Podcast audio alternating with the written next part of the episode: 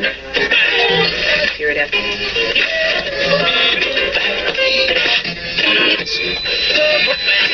Radio Wolne Media i Radio Paranormalium przedstawiają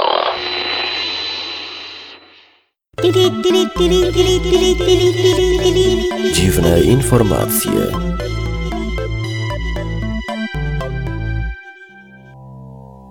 W programie o obroży, która bada psa, badaniu opinii publicznej w sprawie czasów, w których żyło się najlepiej, równouprawnieniu w sygnalizacji świetlnej, rekordzie świata w tańcu zombie i wielkim sztucznym kciuku do smartfonów.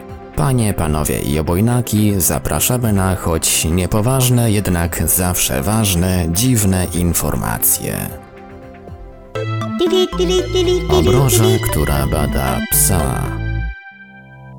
Naukowcy skonstruowali obrożę dla psa sprawdzającą jednocześnie jego temperaturę, ciśnienie, oddech czy liczbę spalanych kalorii. Ciekawe, czy sprawdza liczbę zostawionych kup na chodniku.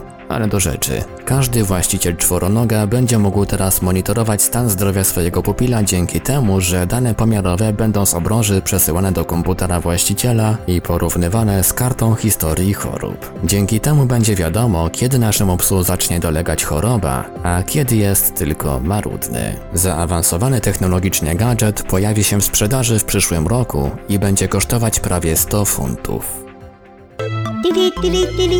Kiedy żyło się najlepiej?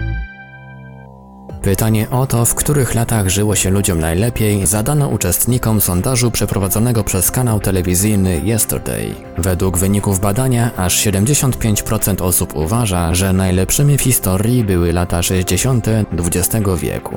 Uzasadniono to tym, że w tym okresie był promowany pokój, muzyka rockowa, pojawiły się nowoczesne innowacje i rozkwitła moda. Na drugim miejscu wymieniono lata 70., w których chciałoby żyć 17% respondentów, a na trzecim lata 50., które za najlepsze uznało 10% badanych. Nie wiemy, czy można było zaznaczać jedną czy kilka odpowiedzi, ale gdy to zsumujemy, uzyskujemy wynik 106% respondentów. Równouprawnienie w sygnalizacji świetlnej.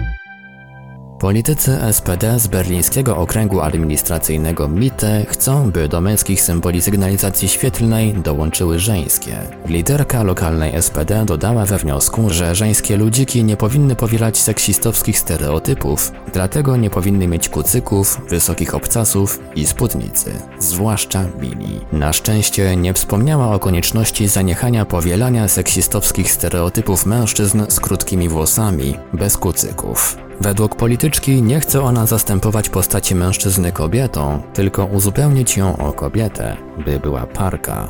Bo tu chodzi o równość. Nieprzychylny pomysłowi jest Wydział Transportu, który obawia się chaosu na ulicach. No tak, dodajcie tam jeszcze jakąś rafaladę, żeby było kolorowo. Światowy rekord wspólnego tańca zombie. Przed zbliżającym się świętem wszystkich świętych dziesiątki ludzi zebrało się w West Sussex, aby pobić rekord świata w liczbie tańczących zombie. Około 200 osób zebrało zespół, który w obecności jury wykonał południowoamerykański taniec zumba. W charakteryzację wszystkich uczestników został zaangażowany cały zespół makijażystów. Natomiast taniec rozpoczął się po zapadnięciu zmierzchu, gdyż potrzebna była odpowiednia atmosfera. No, wszystko fajnie, inba była gruba, impreza pieniężna, tylko park coś sztywny. Sztuczny kciuk do smartfonów. Jeżeli chcecie korzystać ze smartfonów z dużymi wyświetlaczami, a zarazem miewacie problemy z ich obsługą za pomocą jednej tylko dłoni, z pomocą przychodzi pewna japońska firma. Postanowiła ona wprowadzić na rynek wyspecjalizowane narzędzie, które będzie w stanie nam pomóc, a także zwiększy komfort korzystania z urządzenia. Jest nim sztuczny, gigantyczny kciuk, stosowany jako przedłużenie naszych prawdziwych palców. Zabawne? Bynajmniej nie. Problem faktycznie istnieje. Firma Tanko informuje, że zastosowanie tego sztucznego kciuka daje użytkownikowi dodatkowe 15 mm zasięgu w obsłudze dotykowego ekranu.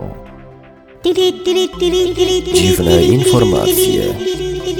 Wiadomości czytał Ivelios. Wybór informacji i montaż Maurycy Hawranek. Podkład muzyczny Protologic. Produkcja Radio Wolne Media i Radio Paranormalium.